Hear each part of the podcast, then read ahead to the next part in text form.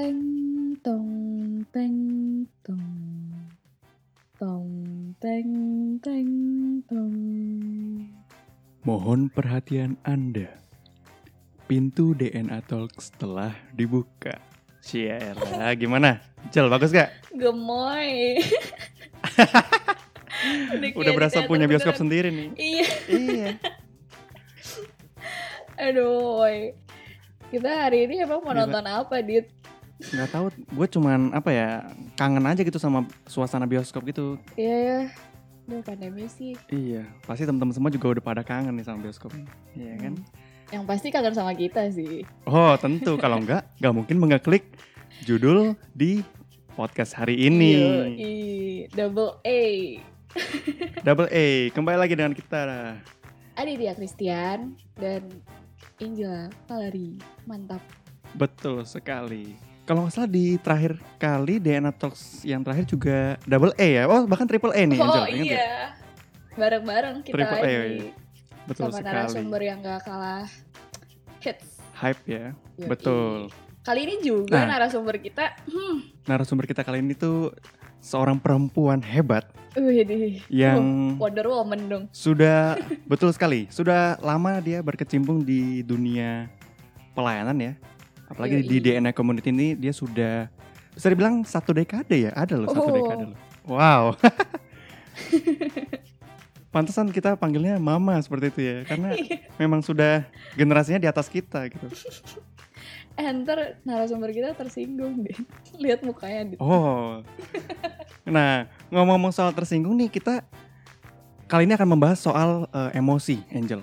waduh Ya, emosi karena betul sekali emosi karena kan kita di masa-masa sekarang ini mungkin banyak anak-anak muda yang labil begitu ya, yang labil, yang gak ada pendirian dan sering kali emosi gitu, mudah emosi karena keadaan di sekitarnya dan sebagainya. Nah, di sini narasumber kita yang bisa dibilang mama ini sudah berpengalaman. cukup berpengalaman di dunia. Yoi. betul sekali berpengalaman di bidang organisasi di bidang pekerjaan juga. Nanti dia kita akan dengar sama-sama dengar kita sama-sama belajar gimana caranya kita untuk menghadapi eh, dunia ke depannya begitu mantap banget ya pasti udah penasaran nih Ih, siapa lagi kalau bukan Ci Stefani Taniago Ci Stefani yo Yeay.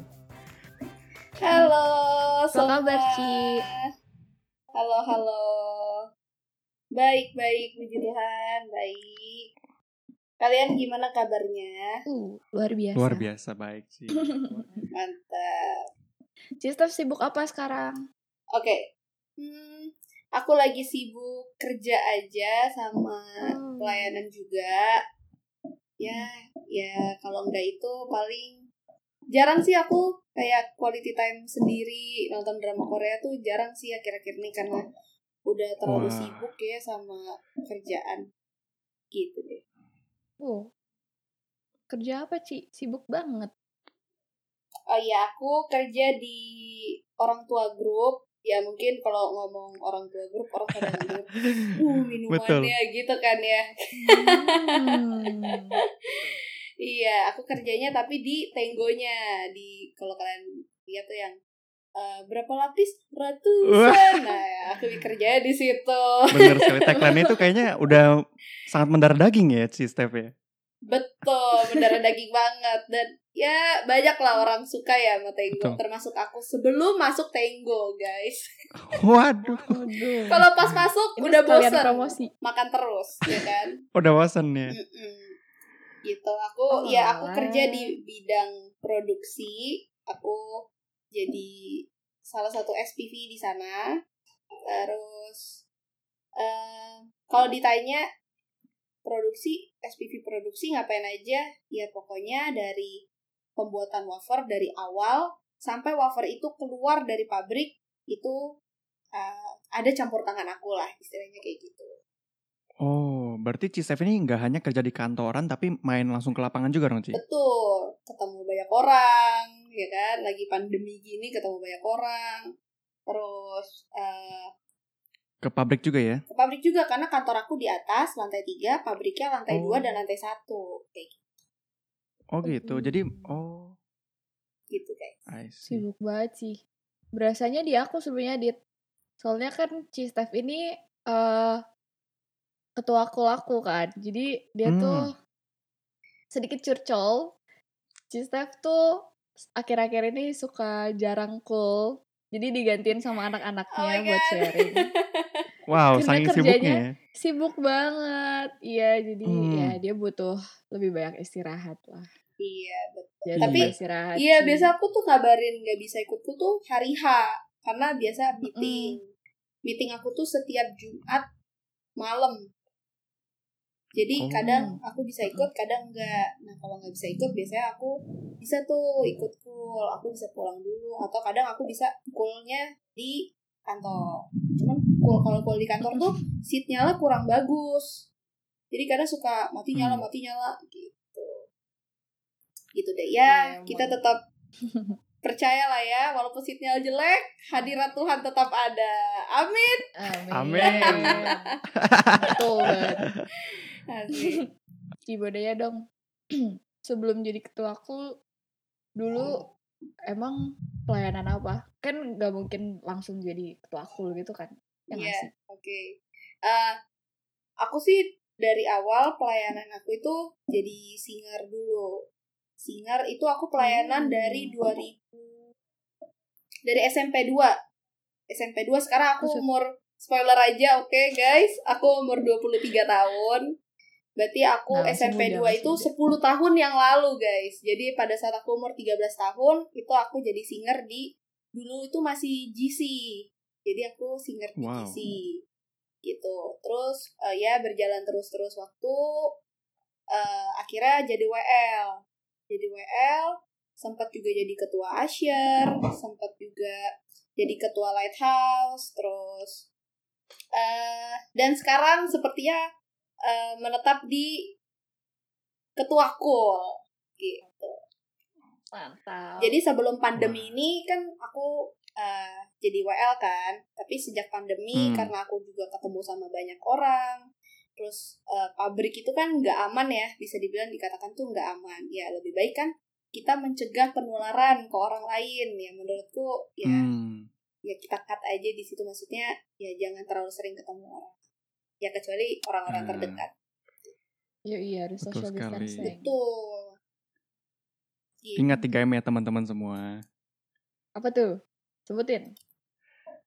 Sebutin. Mencuci tangan, Yoi. memakai masker, Waduh. Yoi. mantap.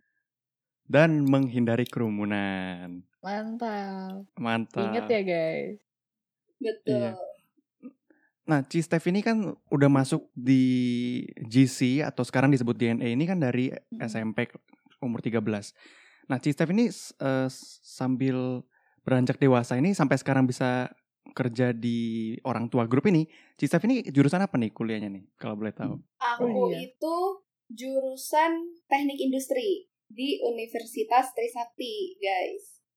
Jadi Wah, kalau teknik, industri, itu mantap sekali. luas banget dan kerjaan aku yang sekarang Hmm. memang teknik industri banget lah istilahnya kayak gitu. Karena Hmm. kan industri itu pasti berkaitan dengan produksi. Nah, pas, pas Oh, banget tuh cocok. Dan memang dari dulu Berarti teknik uh-uh. dulu tuh aku emang mencita-citakan gue mau kerja pertama kali di pabrik dan puji Wah, Tuhan tuh Tuhan memang sudah- ngabulin nah Berarti kesampean ya. mm-mm, cuman pas dicoba keras banget teman-teman. Gitu. Jadi ya tapi kalau untuk kayak aku mungkin karena udah terlatih di Universitas Trisakti ya itu universitas bagus banget yang ngelatih mental kita ngelatih eh, gimana kita bisa kuat dengan diri kita sendiri terus sopan sama orang. Pokoknya dia karakter buildingnya tuh bagus banget. Nah karena itu jadinya aku pas pada saat masuk ke dalam pabrik kerja di pabrik yang nggak begitu shock kayak gitu Hmm. karena ya udah keras dari kuliah pas di pekerjaan juga keras jadi nggak nggak kaget Sudah ada vaksinnya kali ya Cistef ya. iya vaksin dari awal ya Iya. Oh berarti Cistef juga di kuliah itu apa? Bisa bilang cukup aktif gak Ci? Kalau pada saat kuliah itu? Mm. Hmm, aktif Organik. karena aku wakil eh, wakil departemen sosial. Karena Wow. aku juga Wow. pelayanan kan, jadi kayak rohani-rohani gitu. Ya udah gue sekalian lah eh, jadi masuk Ah. departemen sosial lah. Gue suka nih ketemu anak-anak yatim, terus suka explore kayak ngebangun desa yang tadinya gak ada air jadi Hmm. ada air kayak gitu-gitu itu Wow. pernah juga jadi proker aku itu bagus banget Wow. sih Keren, keren, keren. gitu. Sangat sosial ya. iya, kan Cistef ini ekstrovert. oh extrovert Extrovert. iya benar-benar benar banget Tapi ngakunya introvert. introvert saat ada masalah itu introvert Jel Oh. Iya kan Jadi kalau Hmm. nggak ada masalah ekstrovert. Kalau ada masalah jadi introvert tuh gimana maksudnya, Ci? kalau ada masalah Oh. jadi introvert itu kita kebanyakan mikir saking kebanyakan mikir kita tuh nggak bisa peduli sama orang-orang di sekitar kita Ngerti ya. Kita Hmm. fokus sama masalah apa yang kita alamin. Jadi mau bersosialisasi juga itu susah. Karena aduh gue punya masalah ini yang belum kelar gitu. Jadi kayak terus dipikirin. Tapi pas lu mau sosialisasi sama orang tuh kayak aduh gue lagi nggak bisa diganggu. Pernah nggak kalian kayak gitu? Pernah Hmm. kan? Kayak aduh gue lagi nggak Hmm. bisa diganggu nih. Aduh gue lagi banyak masalah. Kayak gitu kan? Hmm, iya. Oh. gitu deh guys. Jadi masalahnya diselesain sendiri ya, dipikirin sendiri gitu. Berarti Cistef ini tipe yang kalau ada masalah diceritain ke orang lain gak sih? aku tipe yang em, karena ya sesuai yang kamu bilang sih Jel aku karena ekstrovert aku tipe yang cerita sama orang. Dan eh, wala- walaupun aku tipe cerita sama orang teman-temanku tuh nggak banyak. Ya ada dua jenis teman kan. Yang pertama teman dekat dan teman biasa aja. Nah teman dekat Iya. itu ada teman yang biasanya aku tempat aku cerita tempat aku curcol tempat aku berkeluh kesah lah istilahnya itu nggak banyak Hmm. ya sedikit orang itulah yang aku pergunakan gitu Oh, gitu. ya itu juga yang aku ajarin tuh ke anak-anak kalau aku gimana sih caranya Iya. eh, cerita sama ya enggak aja ini ada anak Ya, kulku baru nih kemarin kan. oh iya baru ya hari Jumat ya ya itu juga yang aku sharingin ke eh, anak-anak aku. Gimana sih nih caranya eh, apa cerita sama orang terus pilih orang yang tepat terus gimana ngebawa eh, perasaan kamu saat kamu punya masalah harus bersikap seperti apa kayak gitu nah ini bisa juga kita bahas emang lagi mau dibahas ya di sini Kita bahas apa aja deh di sini semuanya deh. iya biar Boleh. yang denger nih belajar juga sesuatu Iya, karena Cistef ini udah cukup berpengalaman kan. Hmm. ya bisa dibilang begitu ya tapi agak berpengalaman banget lah Banget lah. Nah, Cistef, kita mau coba balik lagi ngomong soal cool nih. Tadi kan Cistef ngomong, Cistef ini udah ikut cool dari kapan ya, Ci? aku Ngomong. punya cool dari eh, empat tahun yang lalu Oh, bukan. Sudah join cool sebagai anggota. aku join cool jadi anggota itu berarti sejak aku Ya. masuk di Enekom 2013 eh berarti itu 2000 umur aku 13 tahun berarti 10 tahun Oh, yang jadi lalu sejak- aku join Sejak aku langsung cool join langsung. karena Wow. kalau dulu itu peraturannya eh, pengerja harus cool Hmm. gitu Nah, itu gimana tuh, Ci? Perjalanan dari anggota menjadi bisa dipercayakan Ketua. menjadi ketua gitu, Ci. Ha. Yoi. Pertama sih aku nggak pernah bermimpi atau nggak pernah terpikirkan untuk punya cool sama sekali. Bah, eh, Hmm. tapi pada saat aku pegang ketua Asyir, itu tuh kan Asyir itu punya anak dan anggota yang banyak ya. Jadi Ya. anak-anak yang aku pegang itu kebanyakan sekarang jadi anak cool aku. Nah, Oh. jadi aku tuh terlatih gimana sih pada saat Asyir nih, aku terlatih untuk gimana sih nih aku juga harus peduli sama mereka, terus dengerin cerita mereka, terus apa sih yang mereka lagi alamin. Itu tuh sebenarnya Hmm. salah satu juga kerjaan Asyir. Yang kita care, istilahnya care sama jemaat. Nah, itulah yang aku praktekkan pada saat aku jadi ketua Asyir. Aku juga harus care sama anak-anak eh, apa anak-anak Asyir aku kayak gitu. Hmm. Nah, dari situ aku dipercayakan sama eh, Kodio. Jadi pertama itu ada tawaran untuk Steph mau nggak buka cool. Aku nggak percaya aku bisa punya cool. Jadi kayak aku awalnya aku tolak dulu gitu. Kayak aduh, kayak gue belum siap kayak gitu. Kayaknya eh, karena menjadi ketua cool itu jujur banget itu sangat berat sih menurutku. Karena lu pegang eh, kerohanian orang, lu pegang masalah orang, dan lu harus kasih solusi atau lu kasih saran ke orang yang lagi punya masalah di saat lu juga lagi punya masalah itu menurutku Hmm. sangat-sangat beban yang sangat-sangat berat sih untuk orang yang nggak bisa handle kayak gitu. Nah di situ pada saat itu aku memikirkan itu dan aku menolak.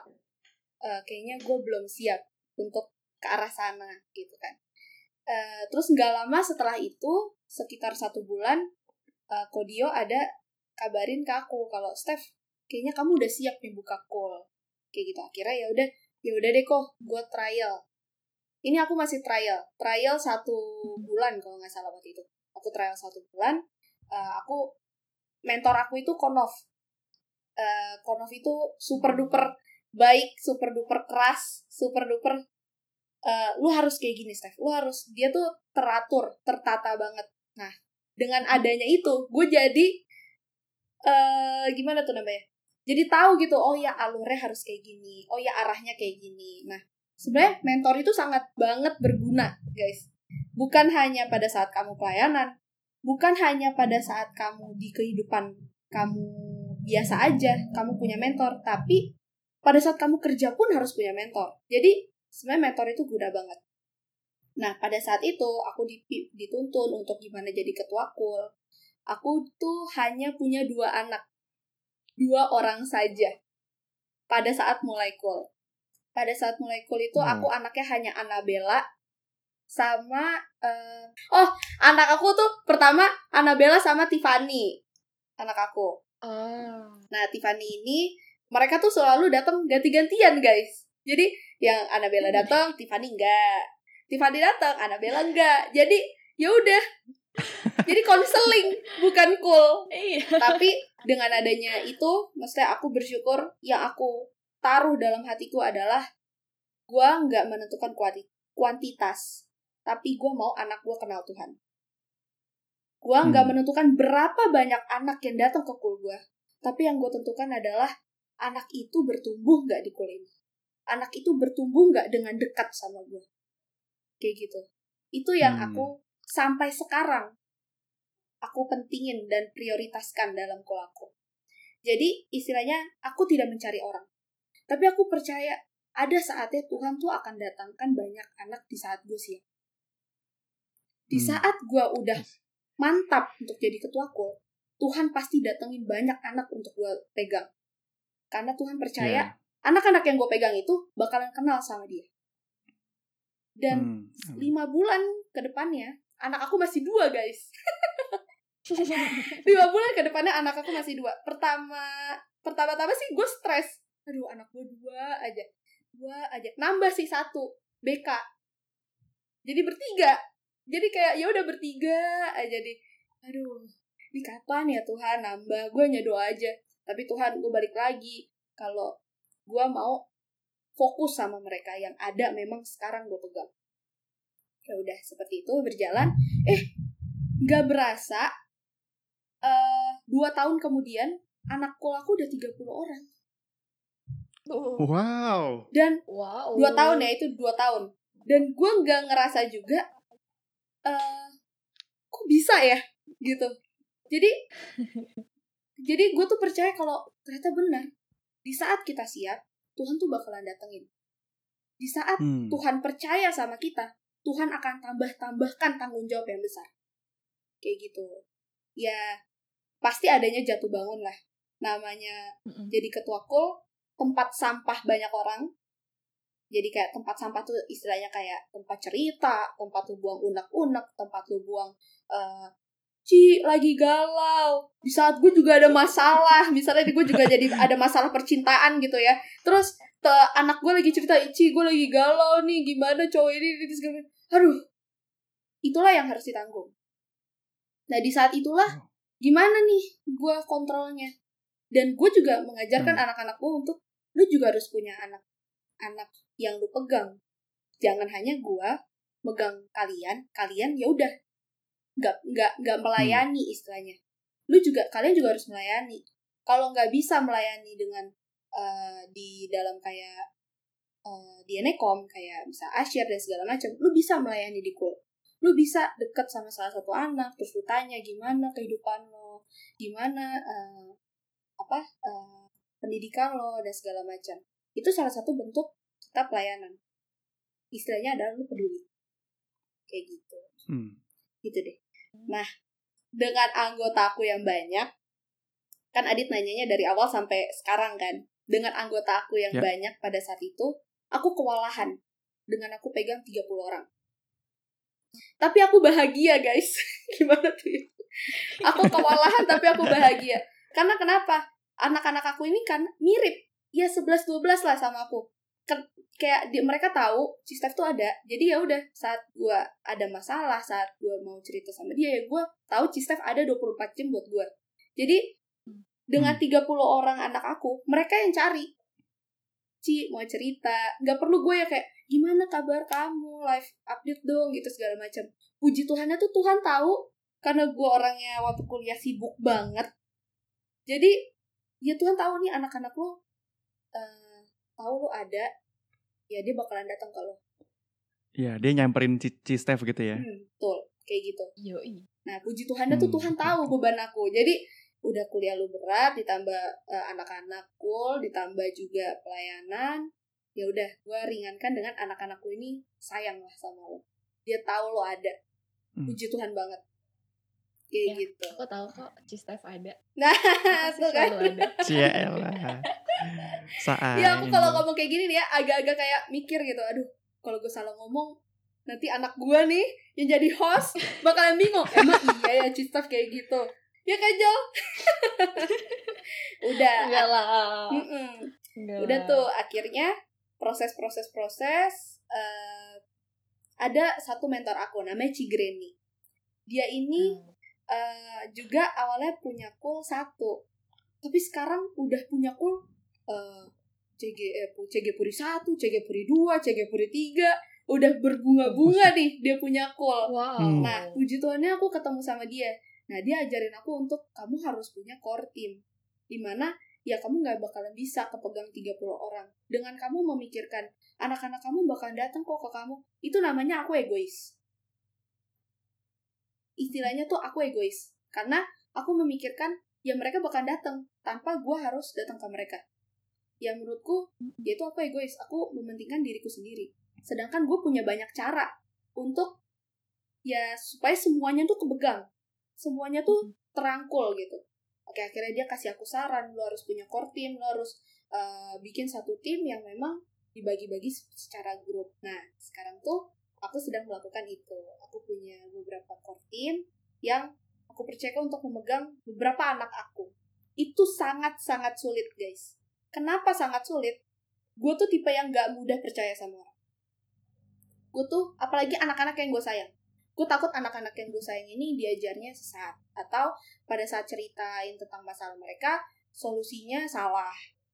Mm-mm. ya kan? Itu kayak resiko-resiko lah. Terus gimana nih caranya? Ya gue harus mendidik core team gue gue harus ngasih Hmm. tahu cara-cara gue mendidik eh, anak-anak cool gue gimana cara gue membawai eh, sharing firman Tuhan gimana caranya gue merespon sebuah masalah gimana saat mereka lagi mengalami perasaan yang tidak enak emosi yang naik dan turun gimana nih caranya gue eh, merespon itu Nah, itulah yang gue bagiin ke core team gue. Dan makanya akhirnya gue percaya sama core team gue bahwa core team gue pasti bisa. Nah, akhirnya berjalanlah sampai sekarang. Dan dari awal sampai akhir, sampai sekarang, gue percaya banget Tuhan tuh ada. Kenapa? Pada saat gue kuliah, gue sibuk, dia tahu, oke, anak-anak lu bakalan nyamperin lu. Tapi itu gak selamanya. Kedua, Hmm. gue masuk ke dunia kerja, Tuhan udah atur dulu gue punya core team, guys. Jadi, Wow. Ngerti kan maksud aku? Jadi sebelum gue udah Yes. sibuk banget, saking sibuknya gue nggak bisa kepegang, itu Tuhan udah taro satu tim yang nih Betul. anak-anak lu nggak bakalan hilang. Dan berarti tandanya Tuhan tuh sayang banget sama anak-anak gue. Kenapa? Bener, bener, bener. Bukan sayang Wow. sama gue doang, tapi dia tuh sayang juga sama anak-anak gue. Kenapa kayak Hmm. gitu ya? Tidak terbengkalai, tidak lari ke mana-mana, tetap di kandangnya Tuhan kayak gitu. Ya Iya, puji Tuhan sih. Gitu deh guys Betul, dan waktu- ceritanya. Oh. Iya. wow. Keren sekali. gitu Kalau dengar cerita dari Citev ini kita jadi sadar gitu kalau waktu Tuhan itu benar-benar tepat ya. Jadi nggak kecepatan loh. Bener Jadi banget. dia Betul. membuat core team itu justru pada timing yang tepat gitu, nggak Betul. kecepatan, nggak kelamat, nggak kelambatan gitu. Mm-mm. Tapi tepat sekali. Wow. Nah. kadang kita nggak sadar aja sama waktu Tuhan kan. Maunya, Betul. ayo dong sekarang dong, sekarang dong. Mm-mm. nah itulah Nah, gunanya Padahal- Sediain plannya. itulah gunanya Wow. berserah teman-teman itulah gunanya lu percaya kalau rancangan Tuhan itulah yang terbaik jangan lu tuh ingat gak jalan minggu kemarin aku bilang jangan lu kalau doa ngatur Tuhan. Iya. lu doa Tuhan kenapa nggak gini sih? Kenapa malah begitu? Gitu. Tuhan tuh punya cara yang terbaik untuk lu capai sebuah keberhasilan. Dan Yoi. Amin. keberhasilan itu misalnya nih menurut kita tangga A tuh yang terbaik. Padahal di atas di paling atas ternyata ada tangga yang lobang. Tapi Tuhan udah tahu tangga yang lobang itu bisa bahayain lo makanya lu gua, gua kasih nih tangga yang renggang-renggang memang sulit depannya tapi ternyata atasnya mulus bahkan udah bukan lu harus naikin kaki lu lu hanya tinggal diem udah naik ke eskalator Dibilang. nah kayak gitu kayak gitulah istilahnya iya, iya. ya biasanya Wow. tantangan tersulit aku adalah mengatur emosi. Gimana di saat gue juga lagi ada beban, di saat gue juga lagi banyak masalah, anak-anak gue cerita masalah.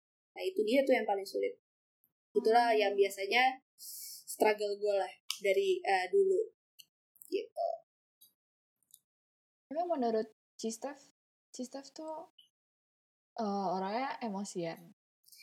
Em, karena aku introvert, enggak Oh, deh. introvert. Bener, bener. Enggak, enggak. Karena aku ekstrovert, aku tuh eh, tidak bisa menyembunyikan perasaan. Jadi aku tipe yang eh, ya kelihatan gitu dari mimik mukaku Ekspresif kalau gitu iya. ya. Jadi kalau mukaku aku lagi diem gitu, pasti kalau berasa dia jauh, kayak kok Cistef diem dulu ya. Karena kan biasanya enggak kayak Iya. gitu kan. Ya Betul. menurutku aku kemudian di saat ada satu hal yang eh, mengganggu mood aku nih biasa kalau pelayanan ya aduh pagi udah berantem nih misalnya sama nyokap atau bokap ya udah terus gue Hmm. harus pelayanan WL itu kacau banget guys Nah, iya itu berat banget gak sih? Kan itu harus kacau banget WL tuh harus ngelit gitu. nah Tapi gimana caranya Cici buat kontrol hati Cici supaya bisa ngebawain suasana yang bagus gitu. Hmm. Yang masih dalam itu tuh Tuhan. masuk ke dalam gimana sih caranya kita kontrol emosi kita di saat emosi itu ada banyak macam ya ini aku kasih contohnya Uh-uh. emosi berarti yang amarah kayak perasaan-perasaan yang tidak enak kayak lu nggak tenang dan Iya. segala macam nah kalau itu lu harus tahu tanggung jawab lu Mhm. sekarang lu mau ngelakuin apa lu sadar oh ya sekarang tanggung jawab gua mau bawa anak-anak ini untuk menyembah Tuhan kalau gua Mhm. membawa perasaan ini pada saat gue PPW itu namanya eh, kayak batu sandungan istilahnya batu sandungan buat Hmm. orang-orang yang mau masuk hadirat Tuhan dengan mood gue yang kacau gitu ya kan? Mhm. berarti salah satunya adalah gue selesain masalah gue itu salah satunya. Gue selesain dulu masalah gue baru gue WL pada saat itu karena aku berantem sama eh, orang tua aku sama mama itu aku telepon.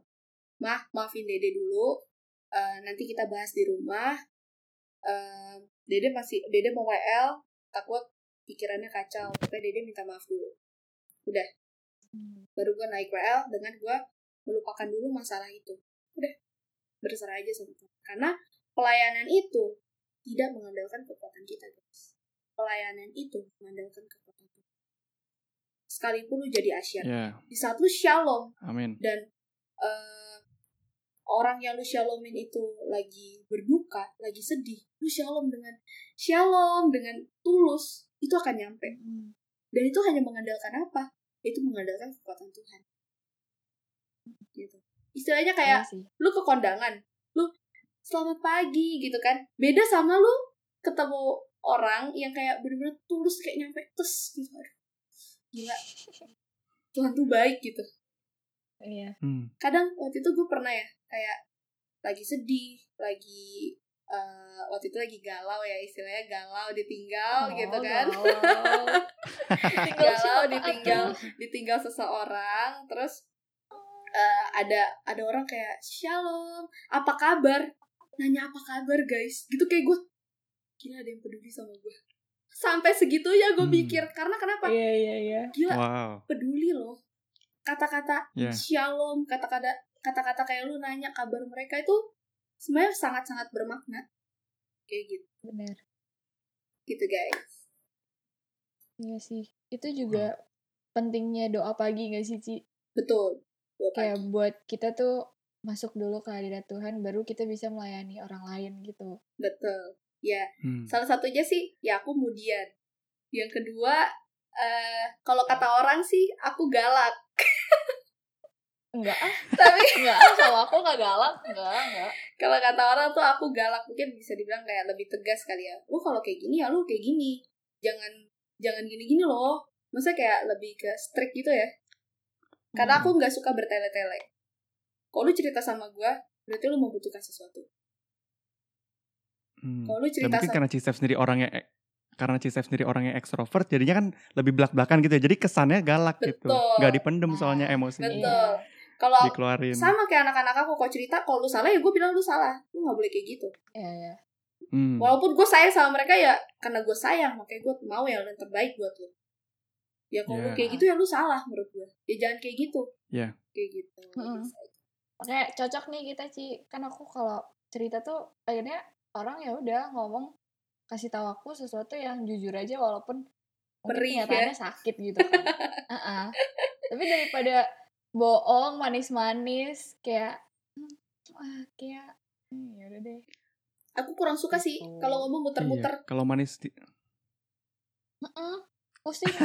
cari-cari dulu nih supaya perasaan lu seneng baru gue jatoin nah gue nggak suka mending dari awal gue jatoin Iya. habis itu gue semangatin nah itu gue lebih suka Ah. daripada gue gue naikin dulu baru gue jatoin gitu nggak suka gue itu cara main yang tidak baik menurut gue cara main yang baik adalah Lebih lu jatoin dulu baru lu semangatin lu bangkitin lagi dia Ah, Hmm. gitu lebih baik menurut sakit di depan ya.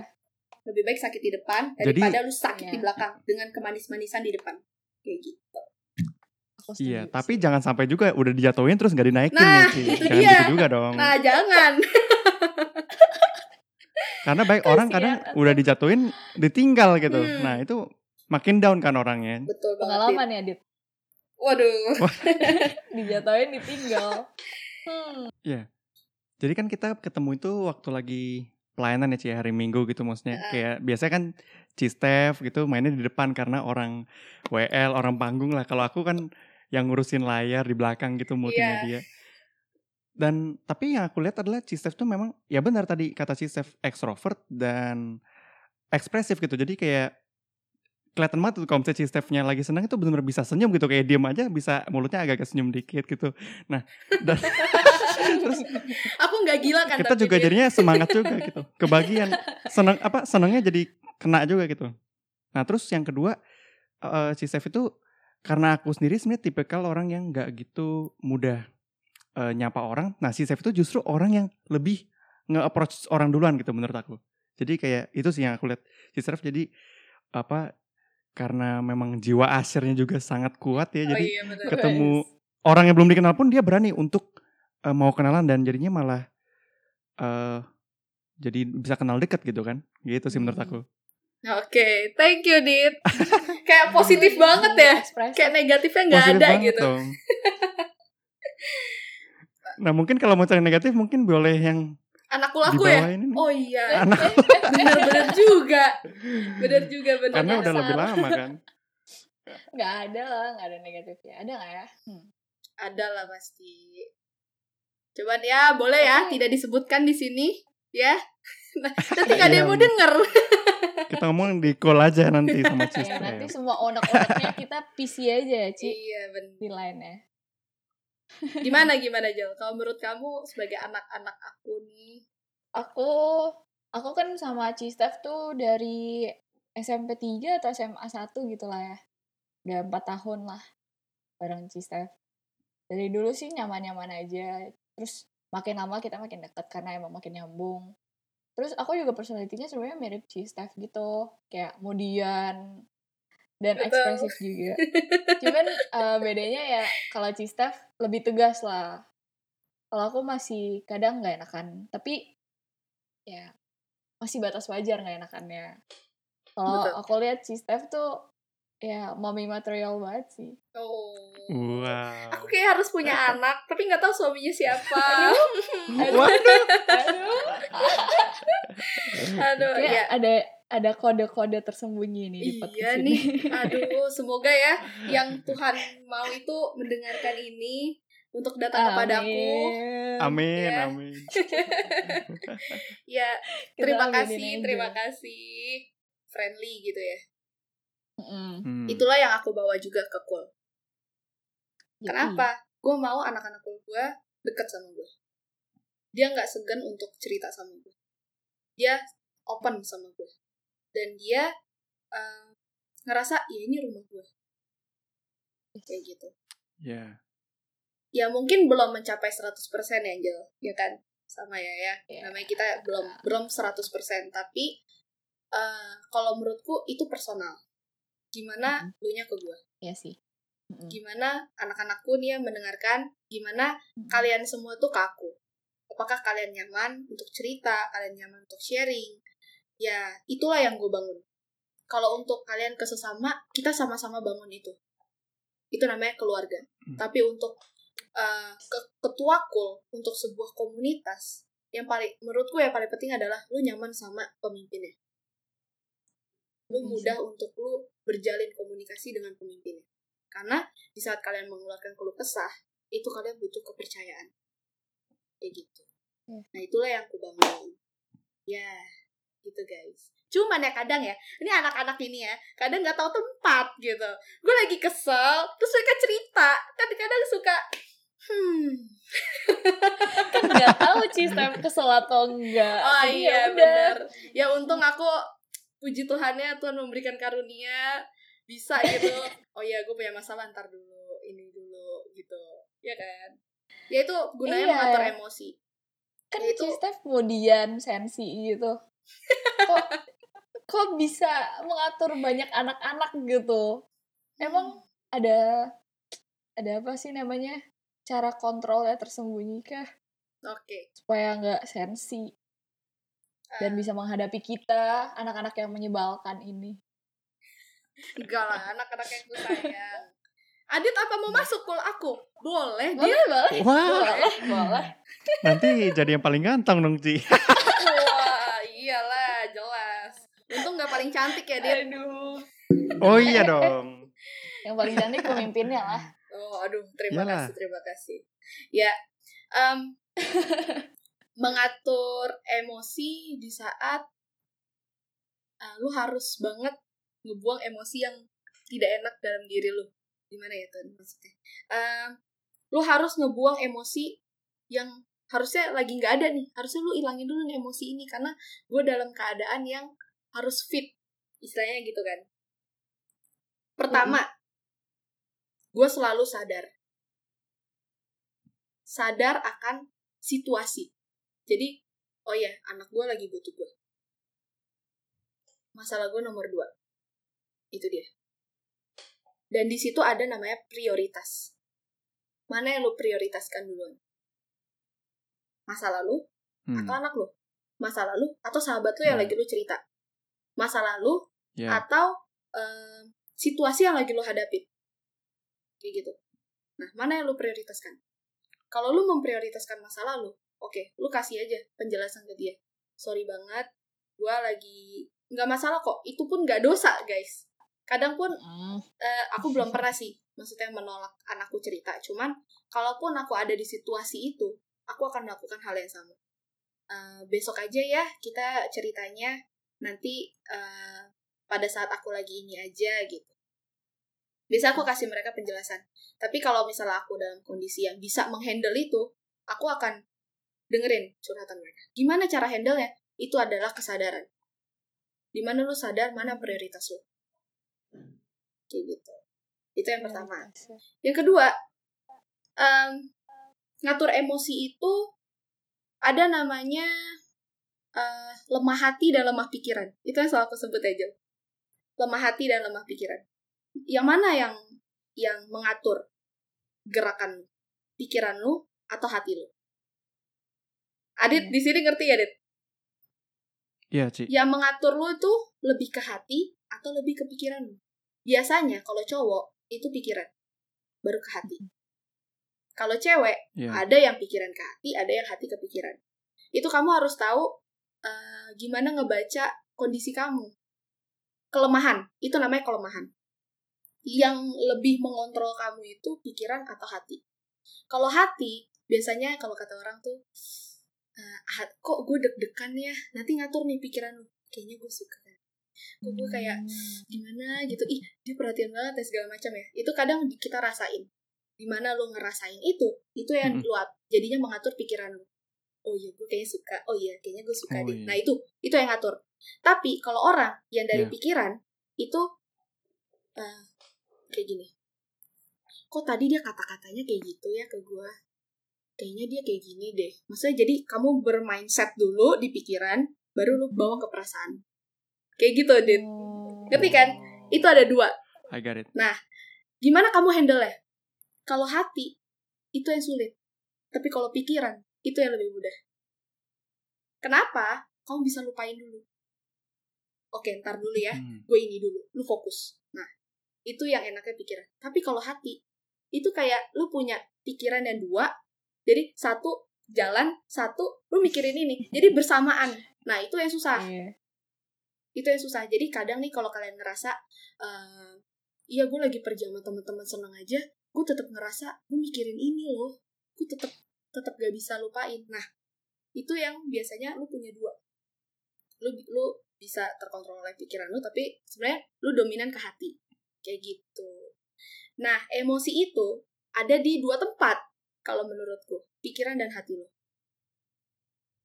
Kalau lagi sedih lagi marah yang lu pikirin adalah kenapa dia ngelakuin ini sih? Nah itu munculnya di sini guys. Kenapa sih dia eh, giniin gua? Kenapa sih itu eh, tadi dia cuekin gua kenapa nggak balas chat gua sih? Kenapa sih dia egois banget? Nah lu pikiran nih tadi kenapa ya dia nggak mau duduk samping gua? Nah itu pikiran. Habis itu muncul jatuh ke hati. Oh kayaknya dia benci sama gua. Dia benci deh kayaknya sama gua deh gitu.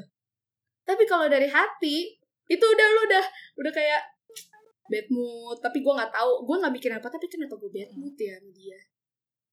Eh, Hmm. sensitif terus kayak eh, gimana ya? Eh, biasanya tuh kalau hati lebih ke pengalaman. Lu pernah eh, disakitin sama dia nanti hat- hati lu jadi nggak enak gitu.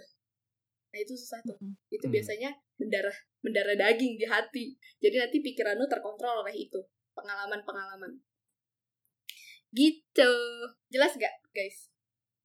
Wow. nah kamu harus temuin mana yang kamu lemahin kelemahan kamu. Pikiran atau hati? Kalau pikiran ya kamu kesampingkan dulu. Lupain dulu. Fokus sama sesuatu dulu. Kita bisa kok. Bisa kan dit? Jel kita fokus dulu. Iya. oke gue mau fokus sama ini. Ini Bisa. ntar dulu. Ini ntar dulu gitu. Mau fokus. Bisa. Hmm. nah itulah. Untuk teman-teman yang nggak bisa move on ya. Itulah cara satu-satunya cari tahu kelemahan kalian hati atau pikiran. Kalau pikiran berarti kalian itu tipe yang eh, mengingat masa lalu suka eh, apa mengingat kenangan itu namanya pikiran. Tapi kalau perasaan ya lu bener-bener cinta sama dia. Itu susah susah deh. Gitu. Ya dulu aku pernah sih di posisi itu guys. Jadi aku ini lemah pikiran. Jadi pada saat aku tahu aku lemah pikiran oke gue handle nya dengan cara seperti ini gitu. Hmm. gitulah cara menghandle emosi guys. Pertama sadar kedua tentukan prioritas lu ketiga lu harus tahu lu lemah di pikiran atau lu lemah di hati. Kalau lu lemah di hati ya berdoalah pada Tuhan. Untuk sembuhin luka lu. Itu namanya kepahitan. Kepahitan itu kenanya di hati guys. Tapi kalau lu kena kayak eh lebih enak sih di pikiran ya daripada di hati karena kalau di hati berarti lu udah kepahitan. Tapi kalau lu masih ada di pikiran itu lu bisa singkirkan dengan lu berpikir-pikir positif. Lu harus Hmm. berpikiran positif. Kalau lu nggak bisa berpikiran positif ya udah lu terjerumus terus di situ. Gitu. Jadi kalau misalnya lu ngadepin masalah dan lu lagi uh, ups and down perasaan lu emosi lu ya lu pikirin masalah ini akan kelar. Gua prioritaskan ini dulu. Masalah ini pasti kelar kok. Kayak gitu oke okay, guys jelas jelas banget wah jelas banget kita sih. jadi dapat pencerahan banget nih Eh gila, Iya. silau-silau dengernya. wow kita baru tahu sih ada Iya sih bener juga sih kayak kelemahan tuh bisa di otak atau, atau di pikiran kita atau di hati kita gitu dan yang lebih sulit justru yang di hati ya Ci Betul. ya. Karena kadang tanpa kita sadar ya kalau kita udah benci orang gitu kita padahal lagi nggak ada masalah gitu sama dia tapi karena ada karena kita ada pengalaman sama dia yang buruk jadinya kita ketemu dia aja udah nggak suka duluan gitu padahal Betul. maksudnya nggak dia nggak ngapa-ngapain gitu. betul nah Adit ngerti ternyata Nah, Ci, aku mau nanya nih. Ini kita udah cerita-cerita panjang banget nih, Ken. Dari cerita-cerita yang yang aku sama Adit udah dengar, dari proses yang Cistef lalui, gimana eh, sebelum dan sesudah Cistef bisa mengontrol emosi? Kayak sebelumnya tuh emang kayak gimana? Sampai bisa di titik ini, sampai bisa di titik Cici itu eh, ngerti caranya mengontrol emosi yang tadi pertama harus sadar, terus prioritas, terus bisa mengontrol hati dan pikiran. Eh, mungkin teman-teman semua yang dengerin podcast ini pernah juga nih ngalamin hal ini. Di saat orang tua lu lagi nanya lu, eh ini gimana sih nih caranya? Terus lu udah naik duluan nih, udah kayak apaan sih mah? Tar dulu dong, gitu. Kayak udah udah udah kesel duluan karena eh sorry to say orang tua kita nggak se-update kita. Orang tua kita nggak se-up to date itu loh tentang teknologi, gitu kan. Iya. Nah, Dulu tuh aku punya eh, namanya aku tuh Mm. cepet banget marah cepet banget sedih cepet maksudnya kayak aduh kesel banget gitu sampai kebawa ke mana-mana gitu. Nah itulah gue jadi mikir ini kenapa ya gue ya? Karena aku aku jadi sering berantem sama mama karena hal tersebut gitu. Jadi aku cepet marah gitu sama mama atau cepet marah sama papa sama koko gitu. Cepet. Jadi kayak kalau dia nanya dikit apaan sih? gitu. Iyalah gitu. Kayak Hmm. gitulah istilahnya. Nah eh, dari situlah aku Mm-mm. tertegur. Mamaku bilang kapan sih deh berubah? Kalau gini ya guys kalau lu mau berubah kalau lu bisa mau mengontrol emosi lu harus tahu lu salah di mana kalau lu nggak tahu lu salah di mana lu nggak akan pernah berubah dan lu nggak nggak akan pernah bisa mencapai apa yang lu mau karena lu nggak tahu lu harus berubah apa Hmm, mesti cari tahu penyakitnya dulu ya Ci ya. Iya. Betul, lu cari tahu dulu penyakit lu apa. Nah, di sini karena nyokapku sering kayak kalau berantem sama gue tuh dia tipenya lebih ke eh, diemin gue. Nah, itu paling gak enak. Karena Iya. aku sama mama tuh deket banget. Nah, jadi di sini gue ngerasa, iya ya, apa gue harus berubah? Gue salah di mana ya? Gitu. Dan gue telah telah telah ah, oh ternyata gue gampang marah. Mm-mm. Gimana sih nih cara gak ngaturnya gue supaya nggak marah lagi? Ya itu yang tadi gue kasih tiga hal yang pertama sadar, kedua prioritas, Mm. yang ketiga lu harus tahu lu lemah, lu cepet marah itu karena pembawaan pikiran lu atau lu pembawaan perasaan lu. Mm. Kalau misalnya lu udah bisa nih tentuin itu, dan menurut gue lu bakalan bisa mengatasi emosi lu sendiri. Dan orang yang dewasa adalah lu bisa kontrol emosi lu. Ya tahap-tahap ini yang akan ke depannya akan kalian hadapin. Dan akan banyak orang yang akan negur kalian. Dan guanya adalah salah satu orang yang eh, bukannya eh, ahli, tapi gue lahir lebih dulu dari kalian. Mm. Makanya gue udah lewatin. Banyak orang yang negur gue juga. Steph, kayaknya kamu gak bagus deh kayak gitu. Terus gue mikir, oh ya gue harus seperti apa ya kayak gitu. Nah, itu sama aja pada saat eh, sebelum aku yang mudah pemarah, mudah emosi, akhirnya gue sadar memang gue harus berubah. Memang itu salah Mm-mm. dan banyak orang menegur gue gitu. Ya udah, oke, gue harus eh, apa sih namanya? Mengubah pola pikir, mengubah perilaku, mengubah kata-kata yang guna gua aku mau ucapkan itu semua aku ubah. Pertama, aku nggak pernah ngucapin lah Hmm. iyalah enggak lah kenapa segitu sih sih itu juga enggak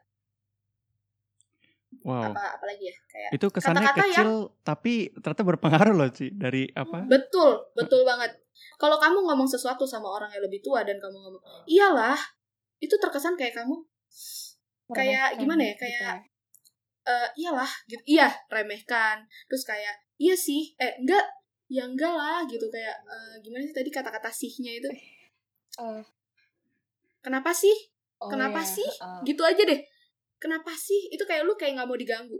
Istilahnya lu kayak lagi aduh gue mau butuh waktu sendiri padahal ya enggak. Heeh. kayak gitu. Nah itu penggunaan kata pun harus kamu perhatikan karena ya itu balik lagi yang kamu harus lihat adalah introspeksi lah diri kamu apa yang kamu keluarkan apa yang kamu sampaikan mimik muka yang kamu kasih lihat itu semua emosi loh guys iya. jadi saat kamu bergembira saat kamu lagi seneng alirlah itu ke pikiran dan hati lu supaya muka lu nggak bisa dibohongin muka lu ini nggak bisa kayak hmm, pa- pada saat nih lu lagi marah tapi lu harus seneng iya ya kayak happy banget sih Iya.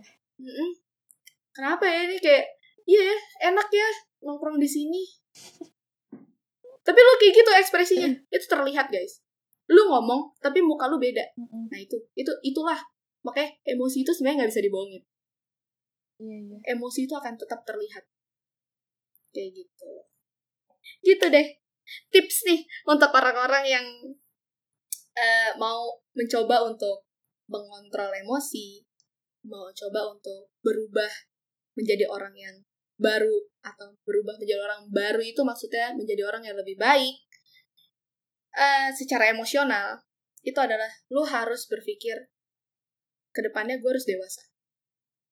Lu jangan berpikir lu bakalan seperti ini terus. Benar. Kalau kalian udah berpikir gue bakalan eh, dewasa loh, gue tuh nggak bakalan kayak gini-gini aja. Berarti lu harus mau ada perubahan. Hmm. Lu harus berani untuk berubah. Karena nggak enak, perubahan itu nggak enak. Heeh. gue akuin gak enak dan itu butuh waktu yang lama aku untuk berubah jadi orang yang dulu yang gak bisa eh, orang yang cepat marah untuk jadi orang yang sekarang itu butuh waktu yang lama dan berulang kali aku berantem padahal gue udah tahu gue harus apa tapi gue berulang kali untuk gue jatuh lagi gue gitu lagi nanti gue ayo ayo Steph lu bisa naik lagi gue berubah tapi nanti kena lagi jatuh lagi nah itulah proses dan lu harus sabar makanya lu harus berani untuk berubah Mm. kayak gitu Nah, itu yang ketiga adalah lu percaya. Lu percaya kalau Tuhan tuh mau lu juga berubah jadi orang yang lebih baik. Ya. Betul kan? Dan yang terakhir adalah teman-teman di sekitar lu. Orang-orang yang deket sama lu. komunitas Orang-orang yang bener-bener Iya, betul, iya. komunitas. Itu tuh penting. Karena kenapa? Mereka tuh mengingatkan lu. Hmm. Kalau nggak ada orang-orang di sekitar lu, lu bakalan nggak sadar apa yang lu lakukan itu salah. Ya. Itulah gunanya teguran. Makanya pada saat orang menegur, kita harus sikapnya seperti apa? Nah, itulah namanya latihan. Gimana lu latihan mengatur emosi lu saat lu ditegur. Oke, jadi ya, buat teman-teman nih aku ulang lagi biar makin ngelotok ya. Yang buat tips-tips orang-orang yang mau mengatur emosi nih. Yang pertama, kalian harus eh, ngerasa kalau gue nggak bakalan ada di saat ini terus. Lu akan grow ke depan. Mm. Kedua, lu harus berani untuk berubah. Ketiga, lu ngandelin Tuhan. Saat lu mau berubah, lu ngandelin Tuhan. Yes. Keempat adalah orang-orang di sekitar lu, komunitas yang sekarang lu punya, teman-teman yang lagi deket sama lu, itu tuh sangat-sangat berharga. Untuk Yoi. bisa negur lu, untuk bisa kasih masukan, untuk ke depannya lu jadi orang yang lebih baik. Gitu. Bener banget. Makanya wajib banget ikut call sih. Wajib banget. Wow, Itu iya. perlu sih. Bukan mau promosi, tapi ya memang kul itu guna. Bener-bener. Terutama mentor ya Ci Steph. Jadi nggak nggak cuman di dunia gereja pun di kita di di dunia kerja, di sekolah, di kuliah pun kita juga butuh mentor-mentor untuk kita bisa memaintain supaya kita ini bisa ma- bisa maju terus gitu ya Ci ya. Betul, betul banget. Kita Karena butuh balik lagi ya aku ingetin, kayak- balik lagi aku ingetin kalau eh, orang yang lebih tua dari kita bukan orang yang memang lebih pintar dari kita, tapi orang yang memang sudah lahir duluan dan dia Hmm. sudah melewati masa-masa yang sudah kita lewatin. Makanya dia bisa kasih masukan untuk kita. Kalau lo harus kayak gini karena dulu gue pernah gagal di sini, kayak gitu. Mm-mm. Itu kayak kasih Hmm. warning lah. Nah, kan ini em si Steph nih udah kerja ya. Tadi kan kita udah bahas si Steph udah punya tim, core tim buat call-nya Cistef. Eh, ada nggak pesan-pesan untuk ketua call berikutnya? Oh, regenerasi maksudnya. iya. Emang kamu nggak mau mantap. diregenerasi, mau cici terus? Oh, regenerasi dong. Nggak apa-apa juga sih kalau Aku tetap ada, sih. tapi tetap pasti butuh pemimpin baru. Iya nggak? Oh iya dong. Oke. Ya, pesan-pesannya adalah em, jadi diri kamu sendiri. Jangan pernah jadi orang lain. Di saat kamu jadi orang lain dan kamu makasih masukan untuk orang yang lagi kamu lagi cerita sama kamu, orang itu akan sadar kalau masukan yang kamu kasih itu nggak benar. Saran yang kamu kasih itu nggak benar. Jadilah diri kamu sendiri. Intinya adalah kalau kamu mau anak-anak kamu dekat sama Tuhan, kamu harus dekat sama Tuhan. Kalau anak-anak kamu, kamu mau anak-anak kamu untuk terus eh, dewasa, berarti lu juga harus dewasa. Kayak gitu. Iya. Gitu deh guys. Hmm. Wow, mantap. Udah belajar banyak banget nih Jel ya. Teman-teman juga semoga Banget. udah belajar banyak nih hari ini. Banyak banget. Sampai udah full banget nih otaknya nih tumpah-tumpah nih. Wah. yang penting-penting aja lah ya yang diserap Betul. ya. Yang basa-basi semua.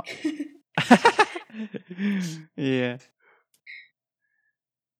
Oke, jadi eh, udah sejam kurang kita ngobrol-ngobrol bareng Cistef.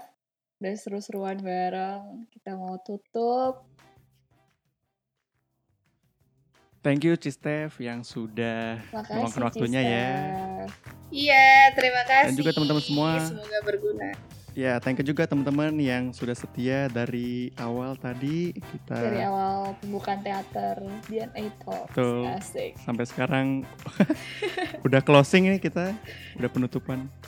Udah mau bubaran nih ceritanya Angel ya. Yoi, pintu teater sudah terbuka. Silahkan keluar. Wes. Keluar menjadi pribadi-pribadi yang baru pastinya, bener kan? Yoi, pasti. Amin. Amin. Oke guys, see you on the next episode. Bye bye. Bye bye. Bye. Thank you all. See you.